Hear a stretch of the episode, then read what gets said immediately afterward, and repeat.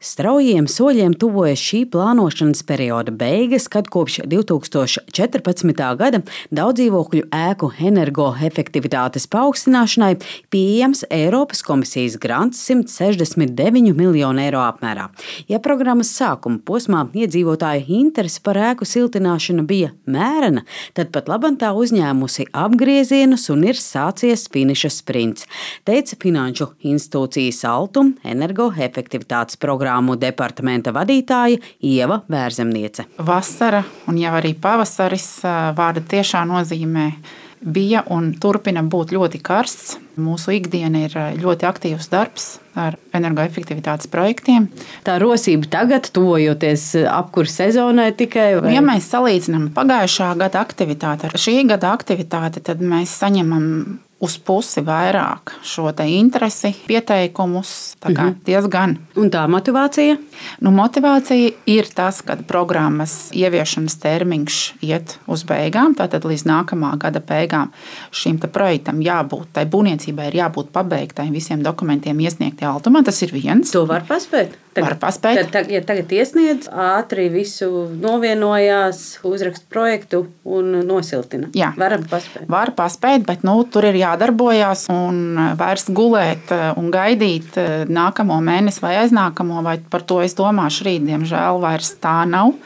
Un otra lieta, protams, kas motivē tomēr projektiem virzīties uz priekšu, ir šīs pieaugušās apkurses izmaksas, ja, kuras katrs gaida ar lielām bažām, kas būs un kā. Un tomēr šī siltināšana, šī energoefektivitātes projekta realizācija zināmā mērā nodrošina pret to risku, pret tām augošajām izmaksām par siltumu. Jo vidēji māja, ko liecina šobrīd jau pabeigtie projekti, tā siltuma apkūra patēriņš samazinās vidēji par 50-60% uz mhm. māju. Ja. Vai tās mājas, kas bija pateikuši jā, bet tad pieaugot būvniecības izmaksām, tomēr apturēja šos projektus. Vai tās arī cenšas tomēr ielikt tajā vilcienā, vai tas pieprasījums ir vēl no jauniem, vēl no citām mājām? Gan, gan.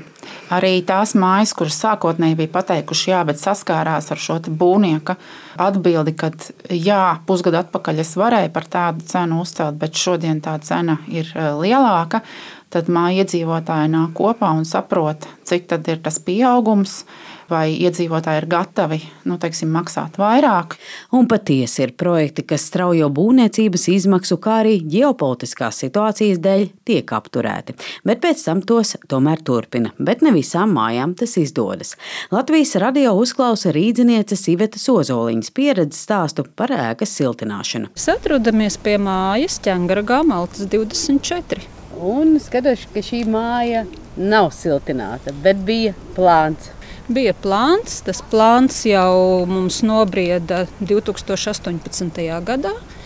Kad mēs entuziastu bariņš sākām saukt iedzīvotājus uz sapulcēm, mēs meklējām, kas mums izstrādā projektu, mēs meklējām visus, nu, kā biedrība, visu arī centāmies darīt. Tad pienāca šis gads, kad projekts bija izstrādāts, dokumenti sakārtoti, vien atlika vēlreiz iedzīvotājiem balsot par kredītu, bet samērā liela daļa nama iedzīvotāju par šo laiku bija pārdomājuši un nu, balsoja pret projekta realizēšanu. Nu, jocīgi ir, ja nobalso par projektu un projekts tiek izstrādāts un mēs ieguldījām cilvēku naudu nu, dzīvokļu īpašnieka naudu ieguldījām, lai, lai projekts tiktu izstrādāts. Ja?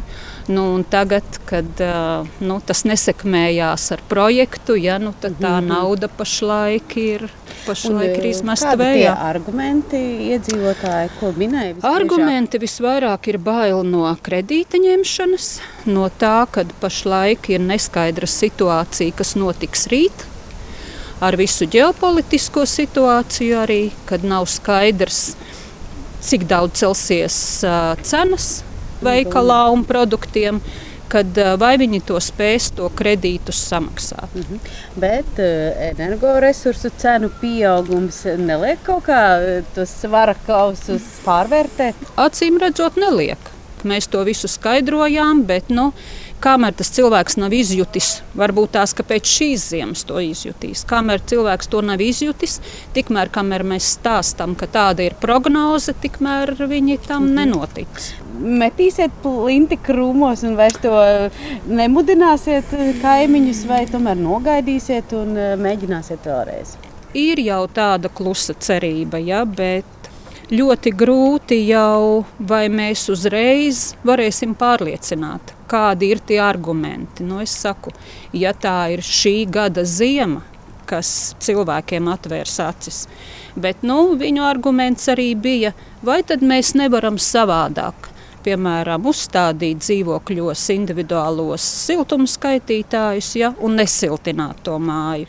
Iveta Ozoliņa pauž, ka vēl viens faktors, kas nāk par sliktu, Rīgā trūkst piemēru. Cilvēki saka, kāpēc mums šeit vajag šajā rajonā, kur gandrīz nav neviena? Taču paskatieties riņķi apkārt. Labi, mēs teicām, reku tur ir viens piemērs. Tiešām nav daudz to māju. Ja? Es esmu mieru aizvest, parādīt, izstāstīt, lai izstāsta, kas tur ir par ieguvumiem. Ja? Pat labi atrodos pie Rīgas enerģētikas aģentūras un došos noskaidrot, kā šajā plānošanas periodā veicās Rīgā ar ēku siltināšanu, cik daudz ēkas pieteikuši projekts un arī tos realizē, bet cik daudz ēkas tomēr no projektiem dažādu iemeslu dēļ atsakās.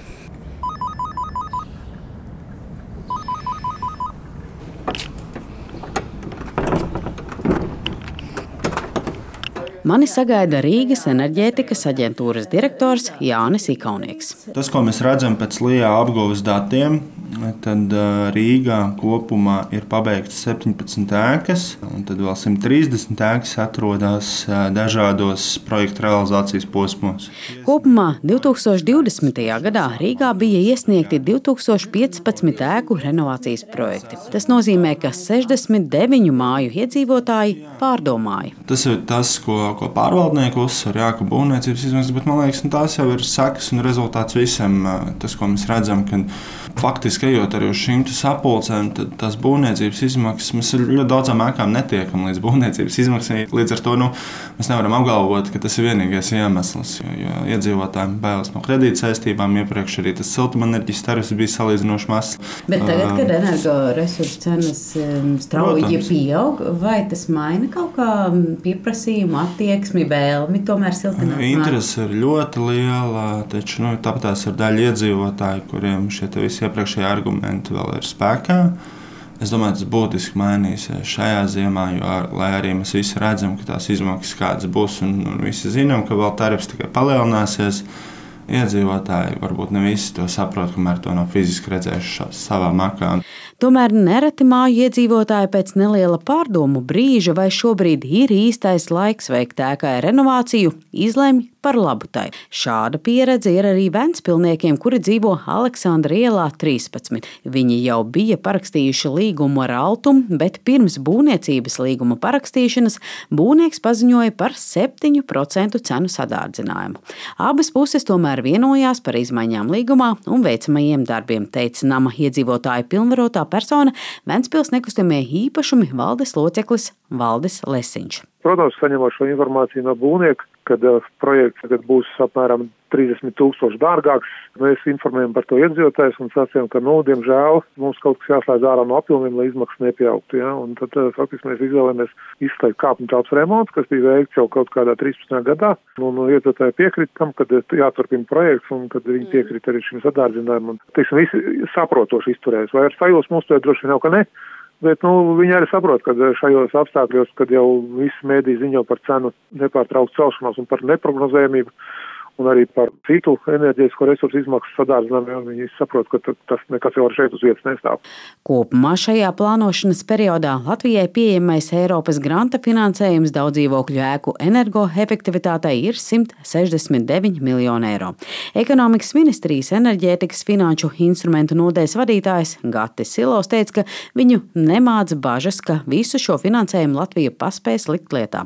Un šāda sarosīšanās īsi pirms plānošanas perioda beigām beigām viņam nesot pārsteigums, jo labākā reklāmas siltināšanai ir paziņot, ka drīz atbalsta programma beigsies. Es to redzu ne pirmo reizi, un acīm redzot, nu, tādi mēs esam. Nu, tā kā mēs augstskolā sesijā pēdējā naktī sarāvām, tā tagad visi tāpat tiek darīts. Jo to, ka programma iet uz beigām, nu, tas pirms gada bija zināms. Un toreiz jau mēs teicām, cilvēki mīļie, neatliekat uz pēdējo brīdi. Nu, ko mēs redzam? Nu, Tagad ir pienācis pēdējais brīdis, nu tad tagad visi saņemās. Bet vai šie apstākļi ar energoresursu cenu pieaugumu piešauja tā kā uguni eļļu nedaudz? Protams, jā, nē, loģiski, jo, jo tas ir viens tāds vēl viens faktors, jā, kas, nu, Protams, ka tas, ka cilvēki redz, ka energoresursu cenas kāpj, un viņi saprot, ka nu, tagad tā būs, ja, nu, tad, tad, protams, ir racionāls arī pamats saņemties. Bet